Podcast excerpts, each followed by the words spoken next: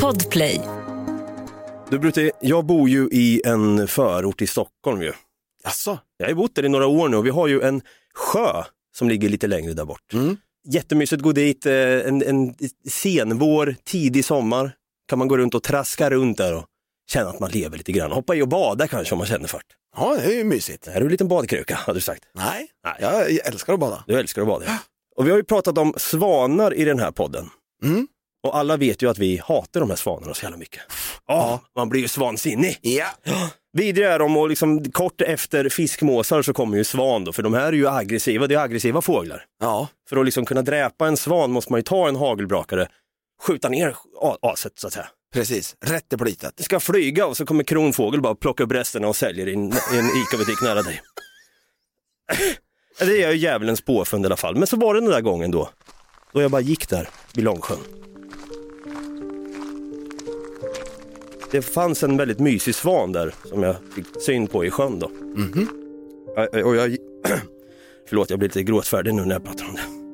Jag, jag gillar ju den här svanen väldigt mycket. Jag kände att jag respekterade den, jag såg den, jag såg upp till den. Det kändes som att det hade varit en väldigt vis man i tidigare liv. Jag såg svanen lite som Gandalf, den vita. Okej. We happy few, we band of brothers kände jag för svanen då. Tills en dag då den helt plötsligt var borta. Puts väck, den försvann. Jaha. Den försvann från sjön. Är inte det här lite ovanligt? Är det Svansjön du pratar om? Ja, eller? man kan tro det. Länge undrade jag vart den här svanen tog vägen. Har den flugit iväg till ett annat landskap kanske? Till ett annat land? Har den satt ett Tommy Jerry-kex rakt i vrångstrupen och hostat ihjäl sig själv till döds? Eller tar den en resa genom landet med Nils Holgersson? Tills jag en dag, för att slippa tanken om den här svanen, gick in på Youtube. Tänkte, fan jag ska kolla på lite matlagning idag. Jag ska kolla på Edvard Blom när han står och rör ihop någonting. Vad är det jag får syn på då? Jo, det här. Och jag ska alltså tillreda svan idag. Den är lite otymplig den här fågeln jämfört med en liten smäckergås eller något. Gode Gud välsigna maten. Tack för vår dagliga svan. Det smakar precis som en oxstek. Grovt kraftig oxstek. Det har inga bismak av fisk eller liknande. Det här är inte Med tran. oxstek, det här smakar med älgstek. Älgstek kanske snarare, det har du rätt i. Alltså kraftigt vilt, det har du rätt i. Ännu mer det. Tror ett råd till tittarna är att skippa de där inälvorna för de luktar bara lite otrevligt av inälva inifrån. Svanen var alltså inte försvunnen utan den hade hamnat i Edvard Bloms löpmage. Ja. Han har ju flera magar. Just det. Mm. Så jag är ledsen Brutte, jag är lite ledsen idag. Så jag tänker att det här, vi, vi tillägnar det här, det här avsnittet till den här svanen då. Som tyvärr försvann då rakt ner i Edvard Bloms mage. Vi ska prata lite om försvinnanden, det där som är kopplingen. Hängde du med där? Ja, jag hängde med faktiskt. Ja, men då drar vi igång.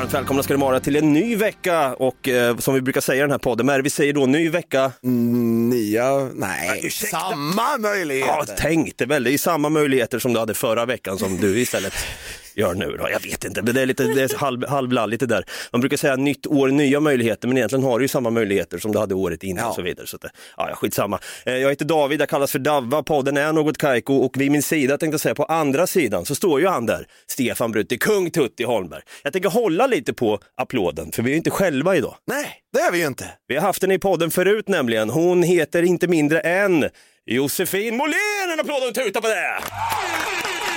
så mycket. Varmt välkommen hit. Ja, tack. Du, jag satt och tittade lite grann när du sist var och gästade. Det var i november 2020. Ja, det är så länge sedan. Mitt under pandemin så att säga. Ja. Två och ett halvt år sedan alltså. Du ser, snart nästan tre. Va, vad var det vi pratade om då?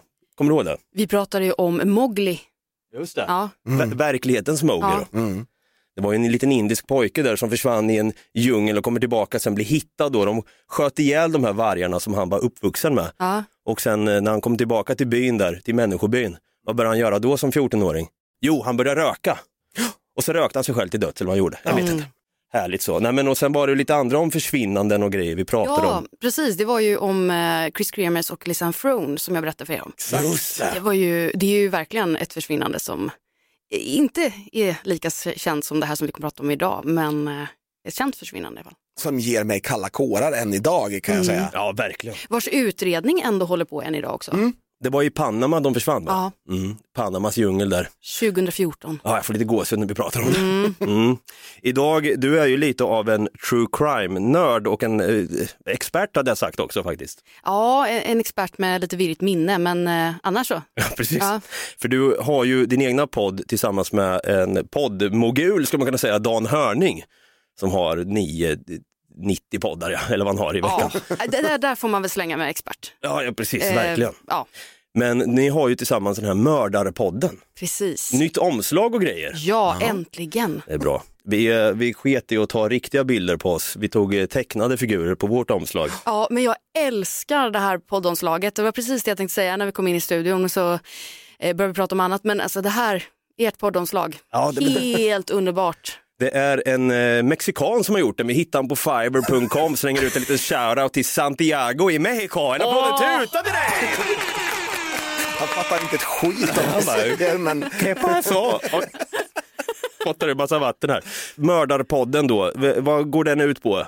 Kors och tvärs. Ja, men den, är, eh, den går ut på att eh, vi berättar om fall, mordfall eller försvinnanden. Vi tar bakgrund, vi går igenom eh, ja, med själva mordfallet och kanske rättegången om det blir en sån. Och, ja, med alla de här detaljerna. Den är väldigt, väldigt otäck. Så jag Mm. brukar inte rekommendera den till folk eh, att lyssna på. För att jag själv som är intresserad av true crime tycker att den blir för mycket. Egentligen. Det är så? Ja, väldigt ofta. Eh, vi ska ju släppa en sommarspecial nu i sommar. Vampyren från Sacramento. Mm. Richard Chase. Mm. Jag kan säga så här, det, det, var, det var så hemskt att spela in det här. Det är helt fruktansvärt. Va- Han drack blod då förmodligen? Ja, Ja. ja och han gjorde jättehemska saker. Eh, Svärmorsdröm som man säger va? Svärmorsdröm. ja, verkligen. Härligt, ja. Nej, men, eh, mycket så här, psykotiska inslag och det. usch. Man, man tänker ju ändå att du ska vara lite avtrubbad. Ja, precis. Jag har perioder där jag är lite avtrubbad. Sen så kan jag ibland känna, ja, när det blir höst och när det blir lite vinter och jag tycker att oh, det blir lite, då kan det bli lite jobbigt faktiskt. Ja. Men sen så försvinner det. Eh, så, Nu är det sommar och varmt och då... ja, ja, men då har jag mycket enklare att stänga av allting. Ja. Och det blir, då kan jag komma in i det modet. Men eh, ibland så kan jag tycka att det är lite så. Men samtidigt också, vi har hållit på i fem år. Det finns ett gediget intresse Mm. som alltid lyckas ki- kickas igång oavsett hur hemskt det är. Ja, för jag, det finns ju en, en statistik och undersökning på att kvinnor dras framförallt i true crime, alltså den genren. Jag undrar lite grann varför. Kan du försöka hobbyanalysera varför kvinnor drar sig till massa styckmord? Och... Man kan ju säga att det beror på att kvinnor är mer utsatta och att man då vill ta reda på så mycket fakta som möjligt och försöka själv tänka. Jag, jag vet inte om jag köper det riktigt. Man lyssnar på det för att safea, att kunna- veta ah, det är Ja. så en mördare tänker, Ja. eller en våldtäktsman eller vad det kan vara. Och det är klart att efter de här åren så kan jag säga att jag, eh, jag gör ju inte som jag gjorde förr och bara går igenom en mörk gränd eh, mitt i natten bara för att komma hem snabbare utan jag tänker mig för efter jag läst på om allt det här. För det finns ju också de som är, alltså vi har ju många killar som lyssnar också eller män som är precis lika intresserade av det. För att få lite inspiration ja, till att själv stycka någon kropp där. Det kan vara. Ja. Ja, eh, nej men jag tror väl det. Kanske också att men, eh, kvinnor är lite mer känslomänniskor kanske. Eller bara psykfall. Ja. Så kan det vara. Det var ju något Kajko, ni hörde det först. Kvinnor är psykfall tydligen. Har ni något att njuta av era incel som lyssnar? Ja, det är frågan hur många... Ja, herregud. Så kan det vara. Nej, men jag kommer ihåg i alla fall att vi pratade då för två och ett halvt år när du gästade då i verklighetens Mowgli när vi hade djungelbonanza. Då ställde jag dig frågan, eh, vart kom den här fascinationen av true crime ifrån? Och eh, då svarade du så här. Har den fascinationen alltid funnits där? Ja, jag minns när eh, Madeleine McCann, när eh, det, de nyheterna släpptes. Och då satt jag som, jag vet inte hur jag, det var 2007 tror jag, om jag inte minns helt fel. Så att då blir det nio år satt jag och läste i tidningen. Och när jag var tio år så blev det Veckans brott. Ja, här har vi alltså en nioårig Josefin Måhlén. Jag, jag sitter- satt och läste i nio år. Ja, ja, ja. ja vä- vänta, hur gammal var du då när du... Jag var nio år, men, men det lät som att jag satt och läste i nio Ja, år. ja, där. Eh, men. Här har vi alltså en nioårig Josefin Måhlén som satt helt klistrad angående det här fallet. Ja. Då då. Det var ju 2007 och eh, ja, hon har ju inte hittats än, Madeleine McCann. Vi ska, ju prata, vi ska ju tillägna det här avsnittet till henne tänkte vi. Prata lite grann om vart fan är hon, gå igenom vad fan är det som har hänt. Jag är fly förbannad kan jag säga om en grej. Det har ju varit lite skriverier återigen om en liten incident här som jag tänker att vi ska gå in på. Men det är ju alltså 16 år sedan, ganska exakt, för det var ju 3 maj Mm. 2007. Just det. Tänk om den här, det här avsnittet i podden Något Kaiko kan dra igång utredningen, få nya rön. Hon blir hittad. Ja, Fan, då, då, det vore ju konstigt. ja, ja, men då kommer ju GV och... Tysk polis håller ju redan på Ja, du för ser. fullt. Ja. Så att, eh, ja. ja. Men det kommer vi komma in på. Det kommer vi komma in på. Vi har Josefin Måhlén alltså från Mördarpodden i studion och eh, om en stund lite Madeleine McCann alltså.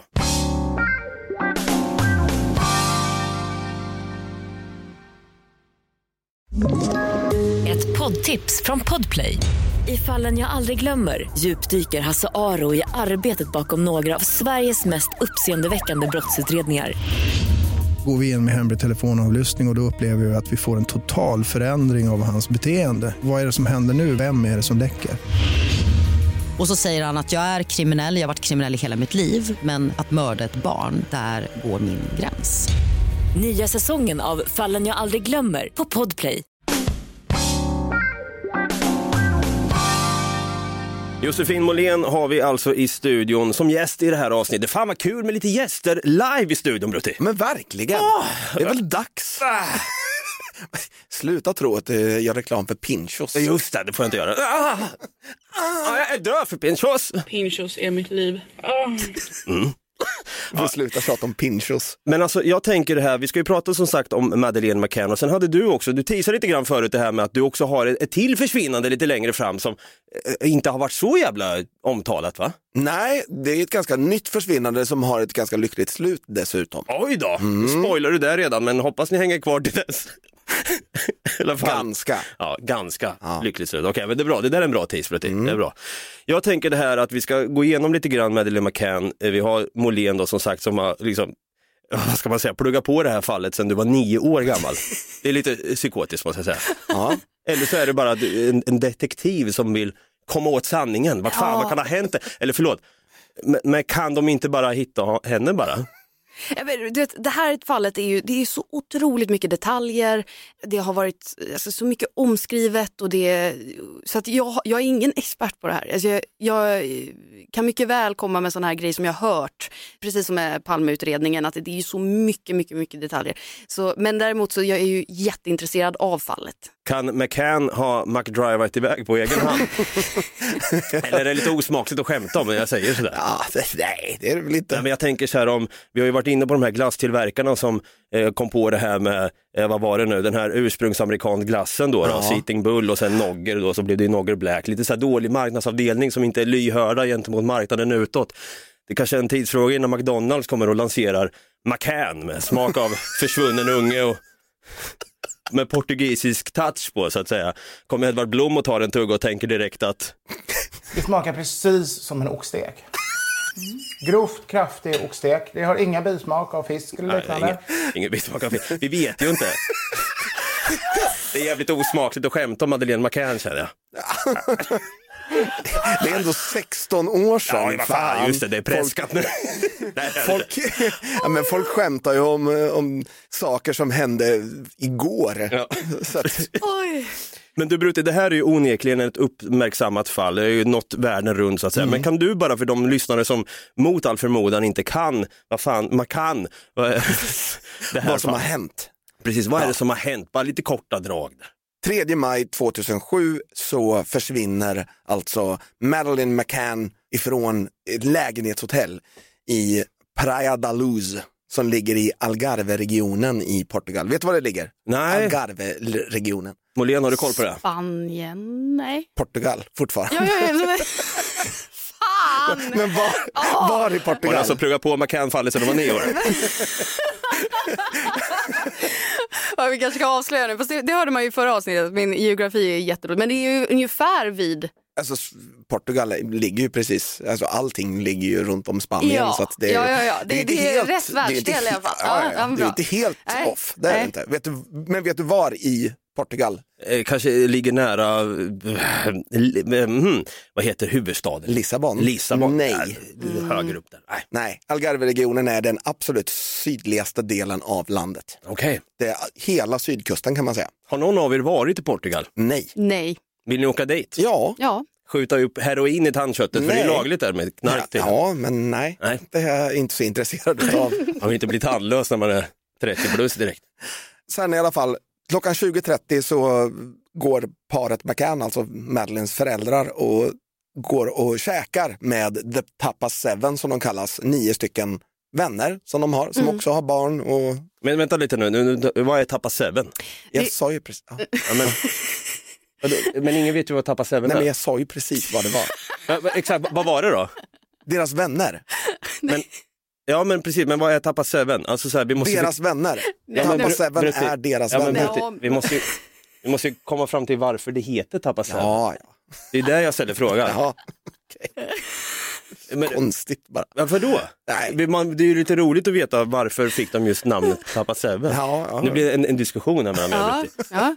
känsloladdat. Ja, Mm. men det blev det. Tappa Seven, vad är, vad är det? Varför har de, de här vännerna fått det namnet? Ja, de har ju dels sina så här lägenheter bredvid varandra, eh, deras vänner, där deras barn också sover.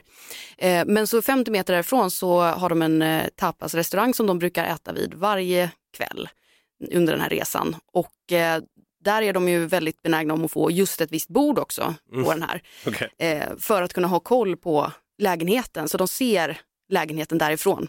Det är smart. Eh, ja. Mm. I och med att de alltid kör den här tapasrestaurangen så har de börjat kalla sig för så här, Tapas 7. Jaha, vi, vi har alltså Oceans Eleven, The Hateful Eight, The, Magnificent Seven och nu Tappa Seven. Ja. där vill man ju ingå. Så att, Ja. mm, Och så filmen Seven. just det, jo, precis. Ja. Mm. Men i alla fall då så går de, turas de om och gå och kolla till barnen lite titt som tätt. Klockan 21.30 så är deras vän Matthew Oldfield, han är och tittar till sitt barn och erbjuder sig då att även titta till familjen McCanns barn. Ja, är ändå. Ja, Matthew. Det han gör det är att han går in, lyssnar och hör ingenting. Han hör inte ett ljud från barnens sovrum. Så det han gör det är att han vänder på klacken och går tillbaks. Ja, Han tänker så här, ja men det är, det är lugnt, det är chill, det är ingen som skriker, det är ingen som gråter. Då går jag tillbaka och sätter mig istället. Klockan 22 så går alltså Kate McCann, Madeleines mamma, in i lägenheten för att kolla till barnen och då är Madeleine borta. nej. Nej, fy fan. Vänta, kan vi bara hold up här nu. Vad tycker du, Molén, om att föräldrar då lämnar sina ungar för att gå iväg och käka tapas? Hade du gjort det? Nu, nu har inte du unge än, kanske, men i alla fall, vad hade, hade du gjort så? Eh, nej, och de har ju fått så otroligt mycket kritik för det här. Fruktansvärt mycket kritik och hat också för att de har gjort så här. Och hade det, inte, hade det här inte hänt så, och man hade hört det här att ja, nej, men vi, vi åt eh, på en restaurang 50 meter ifrån men vi kollade till dem en gång i halvtimmen hela tiden, eller hela bunten. Så hade det ju mer varit så här, oj, oansvarigt.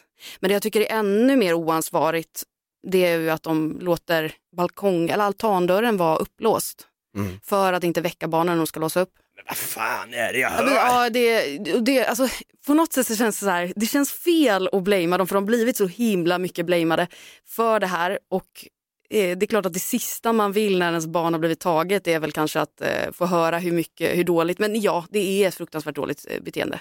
Det är jättemärkligt Ja, hur man kan resonera så. ja, Men alltså, jag, jag, nu har inte jag barn själv än, tänkte jag säga, men alltså, så här, vad fan, man kanske tänker ibland att man, man tummar på vissa grejer. Mm. Vad ska man säga, lekt med säkerheten ibland. Så här, är det här så jävla smart? Äh, skitsamma, jag gör det ändå. Ja. Så kanske de tänkte i det här fallet. Men jag blir ju lite fly förbannad ändå att de ska sitta där och hova i sig lite sangria och käka tapas medan ungarna med olåst dörr sa vi, ligger och sover på, tvärs över gatan då. Då undrar jag så här, tror ni att det har varit ett litet snusko, som man säger, som går runt och kryper runt i buskarna? Hur fan visste en förövare då att, Ma- att Madeleine var där? Eller har de traskat ut själv? Vad tror folk här? ja alltså, det skulle ju vara att han har haft lite span på henne, eh, sett familjen. Och kanske också eh, liksom har fått haft koll. Det är ju så att det, det skrivs ju, har ju skrivits en, vad heter det, restaurangloggbok. Mm. Då har de ju skrivit det att den här familjen behöver det här bordet för att eh, de ska ha koll på sina barn. Och den ligger ju framme så att vem som helst kan egentligen se detta då. Det var ju flera som gjorde koppling till Lindy Chamberlain också, om ni vet vem det är. Nej, men vem var det? Det är den ökända Dingo ate your baby. Jaha, ja. Mm. ja, ja. Då i alla fall så lämnade hon tältet en liten stund och sen så när hon kommer tillbaka så ser hon en dingo, det är ju en vildhund alltså, Just det. traska iväg då ifrån tältet. Och sen så inser hon att barnet är borta och sen försvunnet och hon anmäler det här till polisen. När hon gör det så blir hon inte trodd. Mhm. Utan folk tror att hon har dödat sitt barn och skyller på en dingo. Men så visar det sig att så var inte fallet, för när man väl hittar barnet så kan man göra en obduktion och se att hon har, barnet har skador av, av en dingo. Precis vad de hittar dingon va? Eh, De som hittade både dingon och Ja, barnet. mm. Så att, ja, En, en dingo, dingo-värld så att säga. ja. Eh, nej, men jag tänkte om, om, om dingon och morsan där var iväg och käkade tapas kanske, ingen aning. Och så försvann Det ungen. tror jag inte. Nej. Hon var i vildmarken i Ja, det. Australien. Man vet aldrig, man vet aldrig. Kan det vara som så att Madeleine då, att hon har traskat ut själv? Vad säger polisen kring det? Kanske går iväg och Jag vet letar efter sina faktiskt inte om föräldrar? jag någonsin har hört någon tro det. Hon var ju fyra år va? Ja, precis. Hon, skulle, alltså, ja, hon var ju tre, men hon skulle fylla fyra elva dagar senare. Det är ju 12. lite, lite mystiska grejer som händer och det är ju att dels den, första, den första som går och tittar till, de har ju det här halvtimmassystemet att de går dit och så är det några andra vänner som går dit och samtidigt kollar deras och sådär. Men en gång i halvtimmen i alla fall. Den första som är det, det är hennes pappa Jerry som eh, går och tittar till barnen. Och han beskriver det också som att han står och tittar på dem en stund och känner sig sådär jättelycklig för att vara förälder till de här underbara fantastiska barnen. Nu ska han iväg och äta tapas bara sen. Nu ska Ja. han, ja precis, jag ser det och sen så går han. Father of the year everyone. Mm. Ursäkta. Förlåt, jag blir bara förbannad. Ja. Och sen så, ja, precis som du sa där då, då är det ju den här vännen, för precis när Kate, mamman då till Madeleine, ska upp och kika till dem vid klockan 21, så säger vännen då att nej men jag kan kolla istället. Och han tittar ju inte tillräckligt noga för att se Madeleines säng, men han ser tvillingarna och de sover. Mm. Och han reagerar på att eh, dörren är öppen tror jag. Mm. Eh, men han tänker inte på det, för han tänker då att hon, ja men Maddie kanske har liksom öppnat den för att gå och lägga sig i föräldrarnas säng eller något sånt där. Så han, det, är, det är bara en sån här detalj. Jag vet inte om det är han eller om det är någon innan som får se en man också. Det är nästa. Det är någon som går samtidigt som Kate. Ah. Var Kate mamman? Kate är mamman ja. Mm. Kate McCann. Mm. Men det är en av Tapas även också, en, en, annan kvinna. Ja. Alltså, man säger så, man slänger med uttrycket tappas även. Ja, Ja, fan, absolut. det låter så jävla oskönt bara. Men, men hon, hon hävdar ju att hon har sett någon när hon har gått, men precis innan tio. Men hon borde ha mött Kate på vägen tillbaka. Men hon kan inte, Kate kan inte komma ihåg att hon har mött Nej. henne. Så hur många vuxna människor gick alltså och tittade till Mary den här kvällen? Minst tre. Minst tre. Inte alla sju då? Så Matthew Kate, den som tog henne. Ja, just det. Ja, just du det. tänker så ja. Uff. Ja, men alltså, för, vad, är, vad är då, det kan kanske vara som så att hon har traskat ut själv, då. Vi, vi, det, det går inte att utesluta det, men förmodligen så är det en liten, en liten snusk som har gått in där Ja, alltså. för det, finns ju, det här i och för sig visar sig inte stämma, men det som jag har hört är också att man, eh, för Kate, mamman, när hon ser att eh, hennes dotter är borta, då springer hon ut, hon lämnar alltså tvillingarna där, som är, jag tror de är ett år, eh, och springer till den här restaurangen och säger att någon har tagit eh, Madeleine, någon har tagit henne. Åh fy fan. Och då har det också varit så här lite konspiration, men hur visste hon att någon har tagit henne direkt? Och varför lämnar hon kvar sina andra barn där om hon tror att det är någon som har varit i lägenheten? Och, eh, Ja, det, det är lite konstigt, man, Ja. man kan ju göra konstiga saker i chock och då, var det, exakt. då, då var det i alla fall det här som inte sen visade sig stämma då, det är att någon har sett, eh, eller hon har sagt att ja, men det var en liten, hennes nallebjörn låg på en hylla ovanför sängen, hon har aldrig kunnat lägga den där. Men det är, en, det är en detalj som jag, den, den verkar inte stämma ändå. Så.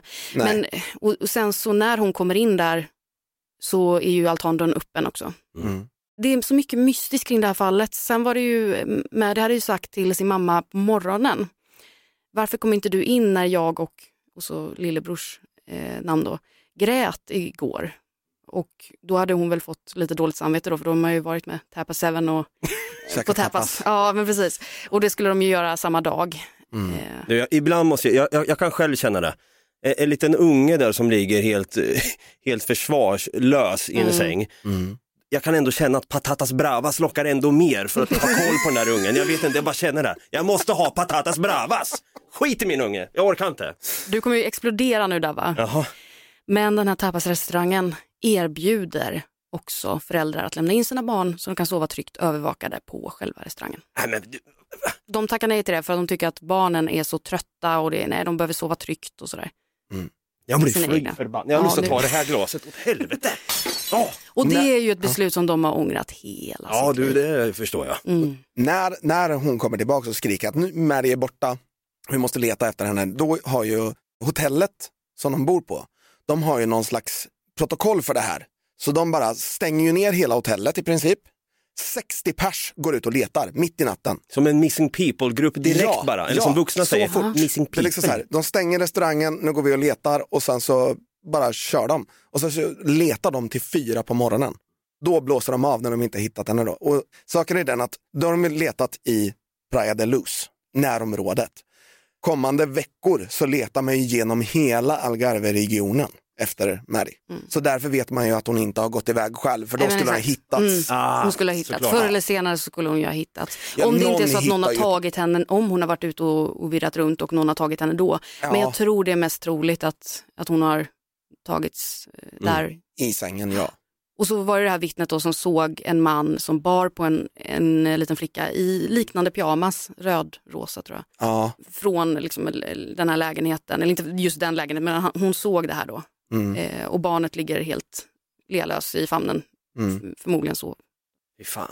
det är ju så att det har ju spekulerats väldigt mycket om det här och det, just det där att det gick en man, man har hittat en man Mm. som gick och bar på sitt eget barn Ja. som hade en liknande pyjamas. Man tror att det kan vara den man, man hon har sett också.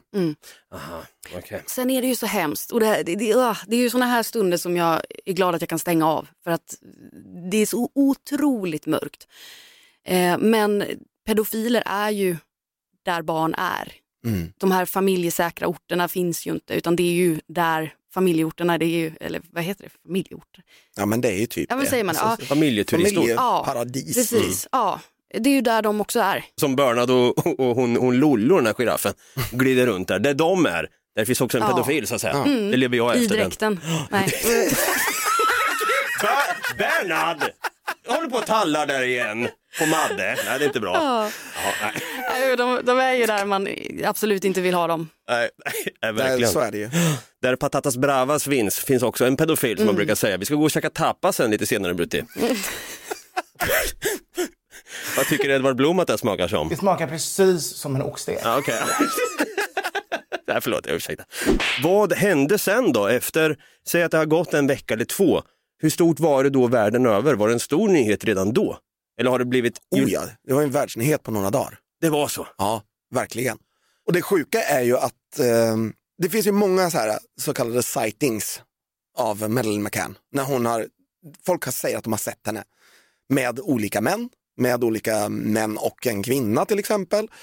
Den sightingen som är det mest ledande spåret är väl ändå det som hände i Nederländerna några veckor senare. Det hände i början på juni tror jag, 2007, när det är en eh, flicka som kommer in med en man i en butik och butiksföreträdare frågar henne lite frågor typ. Och hon pratar bara engelska, säger att hennes namn är Maddie och att mannen hon, hon är med är en främling. Men det måste ju vara Mary för fan!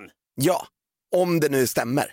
Sen så finns det inte så mycket mer i polisrapporten. Alltså, det är bara hon, någon som säger så. Ja, Då kan det ju vara en av alla de eh, hundratusentals som exakt. bara hittar på. Ja, Mm. det kan ju vara det.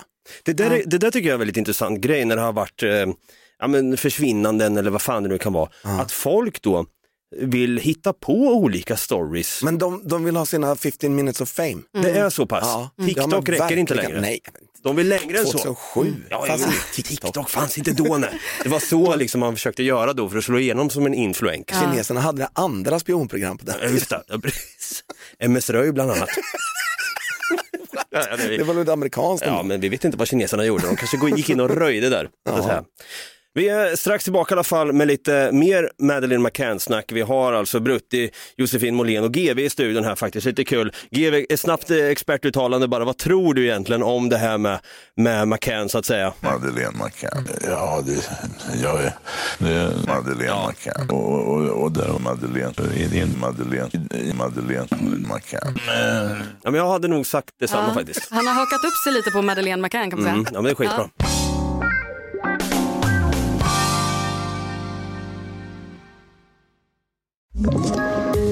poddtips från Podplay. I fallen jag aldrig glömmer djupdyker Hasse Aro i arbetet bakom några av Sveriges mest uppseendeväckande brottsutredningar. Går vi in med hemlig telefonavlyssning och, och då upplever vi att vi får en total förändring av hans beteende. Vad är det som händer nu? Vem är det som läcker? Och så säger han att jag är kriminell, jag har varit kriminell i hela mitt liv men att mörda ett barn, där går min gräns. Nya säsongen av Fallen jag aldrig glömmer på Podplay. Vi är mitt uppe i det här uppmärksammade fallet Madeleine McCann. Det blir lite true crime-anda, i no- sann något Kaiko-anda samtidigt, eller hur Brutti? Definitivt, definitivt. Josefin Måhlén, du sa här i pausen också, fan hon har ju blivit tracead eller kanske gått lite rykten om att Stockholm har kommit in på kartan där. Ja, Vad fan hände där? Ja. Om Madeleine McCann alltså. då, då riktades ju hela, hela världens ljus mot Sverige 2009 tror jag det var, eh, inte helt hundra på årtalet. Men det var en frilansfotograf som skulle fota en bilmässa av något slag. Och eh, då tar han bilder på en liten jättesöt tjej som står där framför bilen och eh, tänker inte mer på det utan han säger det till henne som man tror är hennes pappa som är med utanför bilen att eh, ja, men vill du ha bilderna så kan du bara mejla mig. Liksom. Eh, inne i bilen tror jag att det sitter en kvinna som hon vänder sig lite bort mot honom och inte så himla pratglad. Och eh, pappan pratar bara engelska och det verkar som att ja, de, de, de, ingen av dem pratar svenska i alla fall. Han går hem, ska redigera bilderna och då sitter hans tjej där som precis har läst på Madeline och får se de här bilderna och säger att men gud, det är ju snarlikt. Har ni sett den här bilden på... Jag har faktiskt inte gjort det. Nej, Vänta nu, nu ska vi se här. Åh jävlar! Ja, då skulle du, okej. Alltså det är ju jävligt likt det här, för det står ju så här, det ena är ett referensfoto, how Maddie might look aged six. Mm. Och sen så är det en bild på den andra tjejen som är så jävla lik. ja. Nej, det kan det inte vara. Fan, jag tycker inte det är så jävla likt alltså. Du tycker inte det? Nej. Nej. Det här, Jag tycker att det är svinlikt den referensbilden som man har. Ja. Skriv Marilyn McCann Sweden och då står det från Aftonbladet här, McCanns fine girl in Swedish photo. Där har hon en rosa eh, form av basker på sig, vad ska jag säga. Jag vet inte fan, jag, I, I cannot see it. Det är en helt annan hårfärg, fast jag kanske hon har färgat i och för sig. Det här är jättesvårt. Det är ju det är liksom två år senare. Så att, ja. Sen är det ju väldigt svårt på barn att se hur de, alltså, jag, jag är ju inte lik mig nu från Nej. när jag var, Nej, det är i och för sig sant. Det är sant, inte jag heller. Jag hade Nej. inte skägg när jag var fyra. Det, Eller som man, sex. det som jag tycker att man kan se på det här, det är väl ögonen att Madeleine är lite längre ifrån varandra ja, än den svenska tjejen. Men det, det är väldigt likt, Mm. det är det.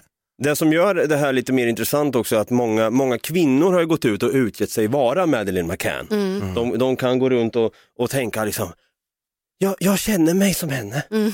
Jag tror jag har minnen av mina föräldrar som hellre vill äta patatas bravas än att ta hand om mig. Jag, jag tror, alltså det, det är många som går runt och, och liksom har någon, bara för att de hade en sketen jävla uppväxt och de kanske inte har så bra minnen av sin morsa eller vad det kan vara, så ska de gå runt och känna sig som Marilyn McCann. Vad är det för jävla hittepå? Vi har den här till exempel den här polska kvinnan, Julia Wendell, som gick ut och sa, jag är henne! Och så skaffade hon TikTok och Instagram och skit och ville bli en TikTok-kändis. Hon hade ju över 70 000 följare som följde hennes kamp då för att visa att hon var Marilyn McCann. Det här är ju bara BS egentligen. Hon var ju med och gästade hos eh, Dr. Phil, vi kan ta och lyssna lite grann när hon sa det.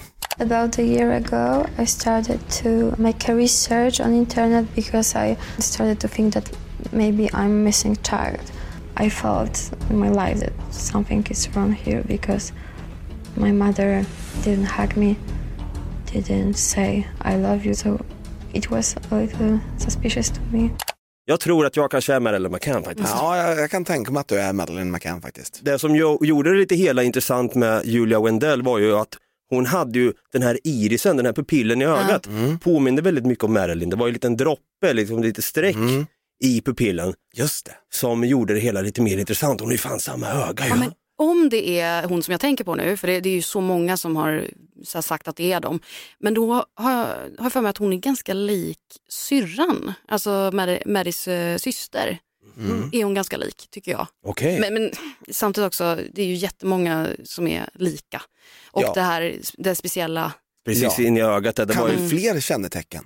Ja, det var väl också det här med födelsemärken och grejer på benet, på vänstra benet eller vad det var. Exakt, på vänster ben. Ja, just det det. stämmer. Och sen så hade hon ju, det, det vänstra ögat är ju blågrönt medan det högra bara är grönt. Just det. Kruxet var ju att den här, ja, innan DNA-testen skulle göras då, så var det ju väldigt mycket snack om, om Julia Wendell. Kan det vara hon då? TV4 sa så här i alla fall. Här är ytterligare en ung tjej som tror att hon kan vara Madeleine då, då, som försvann eh, 2007. Eh, det som, eh, som då hon har på sin sida det är då den här speciella pupillen som Madeleine hade eh, som rinner ut så att säga så att det blir som ett litet streck i ena ögat. Exakt, där har vi ögat återigen. GV satt ju såklart i studion med uppknäppt, eh, eller sin jaktväst då, eh, och lite ölkagg på det, liksom, lite halvslir och så. så. Och han, han var ju väldigt inne på, han var inne på en väldigt intressant, en teori som gjorde det hela mer intressant. Att så här, fan, när GV snackar då vet man ju på ett sätt, då har, han har ju sån jävla tyngd i, i sin, vad ska man säga? oj, han är påläst. Hans ord väger tungt helt enkelt och han Ja. sa ju det här också. Madeleine McCann. Och, och, och där har Madeleine. Och, Ja, nej, men, och, och, som, jag, håller, jag är med på hans spår här också på ett Mm. sätt. Eh, med tanke på att när han, när han just drar den vinkeln. Eller vad man ska säga. Men vad, vad händer nu då? Vad, vad tror ni kommer hända? För det här, anledningen till att Julia Wendell, hon gick ju ut här och gjorde en grej av det här. Då fick ju utredarna lite ny energi och gå vidare i fallet. Så det är inte bara dåligt att det blev som det blev, att hon fick lite press och var med i Dr. Phil och så vidare. Utredarna kände på nytt, de fick lite eld i baken så att säga. det är det som är så speciellt med det här fallet, att det dör aldrig. Det är, det är hela tiden får det nytt. Och det är väl också, det är, såklart att det är fruktansvärt för föräldrarna att hela tiden få massa eh, random människor som påstår sig vara deras eh, dotter. Men samtidigt så kanske de också, de är ju väldigt, väldigt måna om att få ett svar på vad som har hänt. Precis, vilket man kanske kommer få någon gång i tiden. Mm. Det vet man inte, det är kanske lite palmutredning på det här också. Vad tror ni? Tror ni att Madeleine är död? Eller tror ni att hon är en vuxen kvinna idag? Jag tror att hon är död. Jag tror också att hon är död. Det ser ju inte ljust ut. Nej. Och det ju, finns ju en huvudmisstänkt nu. Vem är det då? Christian Bryckner. Jag tror du skulle säga Christer Pettersson. Fy fan. Christer Pettersson! Skyll allt på honom. Morsning, korsning, barnförlossning kommer nu och så tar Madeleine och sticker iväg. Ska vi ut på rövarjakt? Ska vi ut och röva? Fy fan. Nej, det är så himla fel. Vad, vad, vad säger han Bröckner då? då? Eh, Christian Bryckner är ju alltså en eh, dömd sex eh, offender och pedofil. Just det. Vet inte om han bara liksom har semestrat där eller om han faktiskt har ett hus i Praia de Luz. Mm, jag Kanske bara har han- hört att han har jobbat där och att eh, hans arbetsgivare, man ska säga, eh, nu, jag är inte 100% påläst, alltså, men, men att han skulle vara verkligen i området just den. Mm. Ja men dagen. exakt, han har, han har ju varit i området när Madeleine har försvunnit. Han är ju så här, han vägrar ju att samarbeta också. Mm. Han säger Eh, nej, nej, nej, säger han. Exakt, Mm. så säger han. Mm. Och nu har man ju hittat då en plats som han kallar för mitt lilla paradis. Och han är känd för att samla på troféer från sina offer. Vilket är jävligt läskigt tycker jag. Mm. Han liksom är dömd för att han har våldtagit någon 78-årig kvinna bland annat som han snodde ägodelar från. En, Ja, men vuxen, en, vuxenblöja till exempel. Ja, Det var det, väl 2005 i samma område va? Exakt. Så sa han ju till sin flickvän då, eh, dagen innan det här, att imorgon ska jag göra typ jätte, det värsta, jobb, värsta jobbet jag kan göra. Eller liksom så här. Mm. Ehm, och, så att du kommer inte få tag på mig på några dagar eller något sånt. Mm. men då han, sa, han såg det som ett jobb alltså? Ja, alltså, men typ. jag vet inte riktigt om han jobbade, men han, han höll ju på med knarksmuggling och sånt. Mm. Och det är, ju hans, eh, det är ju hans försvar då, att jag skulle absolut inte göra en sån här grej samtidigt som jag höll på att sälja knark. För att jag vill inte ha någonting med polisen att göra. Och så är det ett vittne som säger att nej, men han var med mig en bra bit bort ifrån platsen just den dagen och vi blev till och med stoppade av en polis. Det tror inte jag att de har kunnat eh, konstatera att det var så. Nej. Men eh, samtidigt har hans mobil va? Ja, den har ju varit i Ja. området. Mobilen Bara fem har... minuter ifrån Ja, hennes lägenhet. exakt. Han satt på en annan tappaställe och tryckte i sig lite patatas bravas. kanske. Ah. Vem- vet? Ja, han. Ja, precis. Han. Ja. Ja. men det, det här kommer ju aldrig, jag hör ju själv, det här är dött lopp. Det här är dött, det är dött case här. Det går inte. Det Nej, kommer men inte nej, bli nej, nej. Jag, tror att, jag tror att de kommer att, just nu sitter han Nej, ju det är dött. inne. Nej, det är dött. Han, han sitter inne, de har hittat någonting som de har skickat på analys. Ja. Vad de har hittat vet jag inte om det har stått, nej, inte vad jag har hört. för de har ju grävt alltså det här, det som man kallar för mitt lilla Mm. paradis, som är alltså 10 gånger, alltså 10 meter kvadrat, som han har liksom tagit bort eh, alla träd och all växtlighet typ på, alltså, som, en, som en liten sandplätt som han suttit i och njutit bara. Mm. Och där tror man då att man kan hitta lite fynd från Mary. Mm. Jag undrar egentligen hur föräldrarna har mått under de här åren egentligen. Alltså nu, nu, Nu höll jag på och gjorde mig lite lustig över det här, men vad fan, man har ju lite, lite rätt att bli förbannad också i en svensk eh, satirpodd så att säga. Men samtidigt så tänker jag också att det måste kännas så ofantligt. De behöver ju få den här, det här bekräftat, vad som Mm. har hänt henne. Mm. Jag tror de kanske har släppt nu, fan, hon kanske är coolad, men vi vill veta om hon, om, om hon är det. Mm. De måste ju kunna gå vidare i sörjeprocessen för fan och det, de är ju liksom i limbo nu. De kommer aldrig få, fy fan, det, det där, där går mitt hjärta sönder alltså Mm. när föräldrar inte kan gå vidare för att de inte vet vad som har hänt sin unge. Det är hemskt, usch! Precis, och det hoppas man ju verkligen att de skulle kunna få göra nu om det är så att, han, att de kan fälla honom för det. Samtidigt så hoppas man ju inte att det är han, för då vet man ju också vad eh, Maddie har varit utsatt för. Ja. Och man önskar ju att, och jag tror också att det var därför som de blev misstänkta från första början, att man vill ju så gärna tro att de har ja, men velat att hon ska sova, de har gett henne sömnmedel men det har råkat bli för mycket. För det var ju den tanken som de kom på då efter typ fyra månader, polisen, när de insåg att de hittade inget annat. Att ja, men vi sätter dit föräldrarna istället. Och efter det så fick ju media spinn på det här. Och det var ju den tolkningen som jag som nioåring satt och läste och tänkte att det är banne med föräldrarna.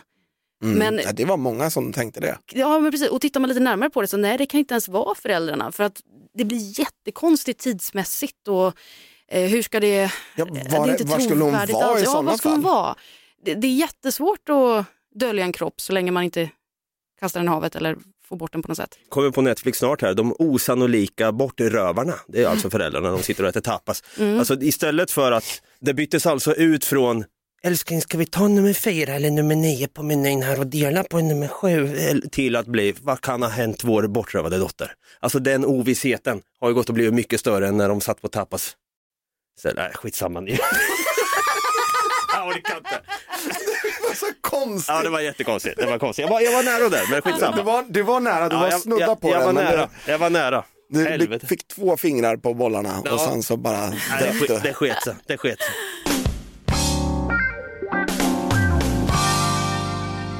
Ja, vi får väl se om vi någonsin kommer få svar helt enkelt. Eh, Brutti, Dava och Molén i studion tillsammans med Leif GW om McCann-fallet då. Madeleine McCann. Ja, exakt. Eh, Brutti, jag tänker för att vi ska kunna få avsluta lite på topp här nu. Vi måste ha, nästan ha lite solskenshistoria. Vi vill inte sluta med vad kan ha hänt Madeleine McCann? Ingen vet. Och så bara, ja vi hörs nästa onsdag förresten. Vi måste ju höra något lite glatt också. Ja, och det ska vi få göra. Lite halvglatt i alla fall. Mhm. Så här är det, jag läste ju en nyhet för några veckor sedan. Okej? Där det är ett plan som har störtat i Amazonas. Det känns som att det alltid gör det. Eller hur? Eller hur? Mm, Amazonas, vi, Ja. vi landar där. vi kraschlandar Det där. är, det är ett så kallat Cessna-plan, så att det är ett enmotorigt, ganska litet plan som har störtat ner i Amazonas. Ombord fanns det tre vuxna och fyra barn. Barnen är alltså 13, 9, 4 och 11 månader. Och är det yngsta barnet. Oj, oj. De tre vuxna omkom direkt. De fyra barnen har hittats vid liv två veckor, mer än två veckor efter kraschen. Nej, skojar du? Även den lilla. Även den lilla. Så de här barnen har alltså tagit hand om den här 11 månaders Ah, men gud, jag ungen. får rysningar. Oh my God. Vänta, vänta, vänta. Åldrarna på dem sa du var? 13, 9 och 4. Åh fy fan. Mm. Den där 13-åringen kanske tog det största ansvaret Jag där då. skulle tippa på det, ja. Men jävlar i gatan. Ah, men. Och deras mamma var ju tyvärr då en av de vuxna på planet och omkom. Men de har ju hittats vid liv och När man först då började leta så hittar man ju planet ganska fort och då hittar man att någon har gjort ett vindskydd ganska fort. Ja, För det var typ ganska i närheten av planet. Och sen så var det ju då typ en napp och någon nappflaska och lite sådär. Och sen så, det låg ju i närområdet av planet och sen så var ju ungarna bara borta. Så då började man ju leta. Man flög med helikopter med ett inspelat meddelande från deras farmor eller mormor. Det stod ju bara grandmother så att jag vet inte Ah. om det var på mamman eller pappans sida. Troligtvis mammans, men skitsamma. Varför just ett inspelat meddelande från en eh, släkting? Alltså, Därför är- att det ska vara en röst de känner igen. Jaha. För Ja. att de ska lita på att det här är, att vi letar efter er, vi kommer hitta er. Ja, Så- ja, det, är- det är jättefint. Hallå alla barn! Ja, Det är faster Magda. Åh nej, Kom inte här, kom, kom farmor. hit. Var det du som spelade in det när du var sex år? Nu måste ni Nio år, hem. förlåt. Jag vill bitterskallasås. Bitterskallasås där. Okej, men fan vad fint då. Ja men verkligen. Vad glad jag blir. Det, är en jättes, det har varit en jättestor insats här av militär bland annat. Ja, så farmors röst eh, åker ut över djungeln. Men hur, vart hittar de? Och hur? De, hittade, alltså, de hittade dem en bra bit därifrån, ja. men det de har gjort det är att de har tagit sig till vatten. Vilket är ett jävligt smart drag har vi kommit Ja, fram till. Vi har pratat om det i Djungelbonanzan. Vi gjorde ett avsnitt om Jossi, om Jossi Ginsberg då, djungelöverlevaren. Det har gjorts en film. Det här kommer en liten recommend, recommend faktiskt. Recommend, recommend. Daniel Radcliffe i filmen Jungle från 2017. Jävla bra film. Handlar också om en snubbe då, en verklighetsbaserad historia när då han kraschlandar eller han kom, nej, Nej. han, eh, han eh, åker ju flotte för fan och så Han, åker ju, han vandrar ju in i djungeln. han vandrar in i med någon djungeln. jävla tysk som eh, troligtvis har mördat eh, Marcus Stem. Ja, Stam faktiskt. Stam, ja. förlåt. Vi hade ju en programpunkt som var jättefolkkär då som hette just Vad kan ha hänt Marcus Stam? vad, vad, vad kan ha hänt? Vad kan ha hänt Marcus Stam? Donde está Marcus Stam? Så lät den alltså. Vad kan ha hänt Marcus Stam? Han har inte hittat den idag. Så det är han, Madeleine McCann. Ja, det är de två helt enkelt som Ja. jag kommer på nu som är försvunna. Eh, se Jungle. Ja, de där två i... ja, eh, precis. eh, Ja. De också, ja, precis. Och så några hundratusen andra. Ja, ja. just det. Några härliga Ouppklarade fall. Precis. Molén, vi eh, tänkte börja av, avrunda nu faktiskt. Hur känns det? Har det varit kul? Det har varit otroligt roligt. Det är så jävla Fantastiskt kul. Det är så fantastiskt kul att hon är försvunnen fortfarande med Ja. Att vi kan göra content på det så att säga. Nej, vad Ja. hemskt är det i alla fall. Men det var jättekul att köra med dig återigen. Det är två och ett halvt år sedan sist alltså. Ja. Nu står vi här igen. Nu står vi upp i samma rum också. Det är lite sjukt faktiskt. Faktiskt. Molén, vad händer nu då? Du har ju Mördarpodden såklart. Eh, har du några mer grejer på G? Jag har det, men jag har inte tid för det. Så det, det har väl, jag skjuter fram det hela tiden för, att, nu är det väldigt mycket fokus på Mördarpodden. Eh, men eh, vi, vi har ju också, eller jag och eh, Erik Mylund har ju en podd eh, som vi ska lyssna på, Om det var du. Om det var du Mm. ja, just det. Det är ju verkliga händelser, men fiktiva på så sätt att det är du som lyssnar som får uppleva det. Som, som är, är taget från vittnesmål och från en tidslinje och fakta och sånt där så bygger vi upp en, ett händelseförlopp då som du får uppleva. Så att allting som händer har någon upplevt och Mm. beskrivit. Men det är fiktivt i och med att det är du då som upplever det. Man blir satt i du-form alltså. Det är lite Mm. intressant faktiskt. Jag har lyssnat på den podden själv och man, det känns verkligen som att man är där.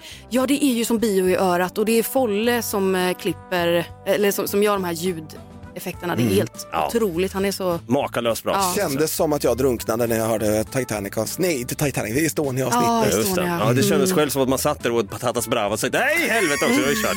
Ja, lite kul. Molén, stort tack för att du var här. Man kan hitta dig på Instagram, det är j.molén om man vill Precis. följa dig där. Mm. Där lägger du lite upp grejer med, från Mördarpodden och du filmar ju själv lite smått va? Ja, ibland så har vi gjort det jag och Dan. Mm. Eh, Så att det, det finns att se. Mer sånt, Ja. härligt. Eh, Brutte lite fort då, var kan man hitta oss om man vill eh, se våra fula nu? Gör, Görvelsgatan 30. Ja just det, precis. Kom hit. Något Kaiko på Instagram, Något Kaiko Podcast på Facebook, Något Kaiko även på TikTok. Just det. Kom ihåg att sprida den här podden, ge den en tummen upp och följ den här podden för fan så du inte missar avsnitt när vi släpper varje onsdag. onsdag. Det gör vi i alla fall.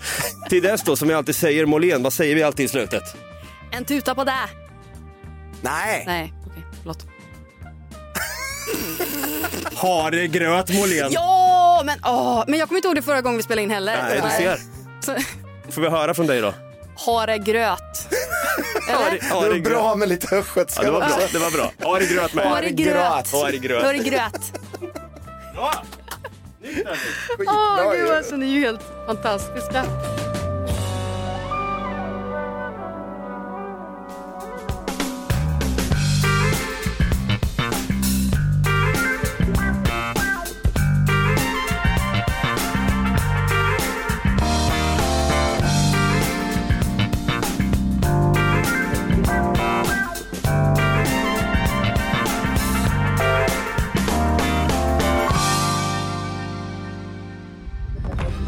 Podplay, en del av Power Media. Ett poddtips från Podplay. I fallen jag aldrig glömmer djupdyker Hasse Aro i arbetet bakom några av Sveriges mest uppseendeväckande brottsutredningar. Går vi in med hemlig telefonavlyssning och, och då upplever vi att vi får en total förändring av hans beteende. Vad är det som händer nu? Vem är det som läcker? Och så säger han att jag är kriminell, jag har varit kriminell i hela mitt liv men att mörda ett barn, där går min gräns. Nya säsongen av Fallen jag aldrig glömmer på Podplay.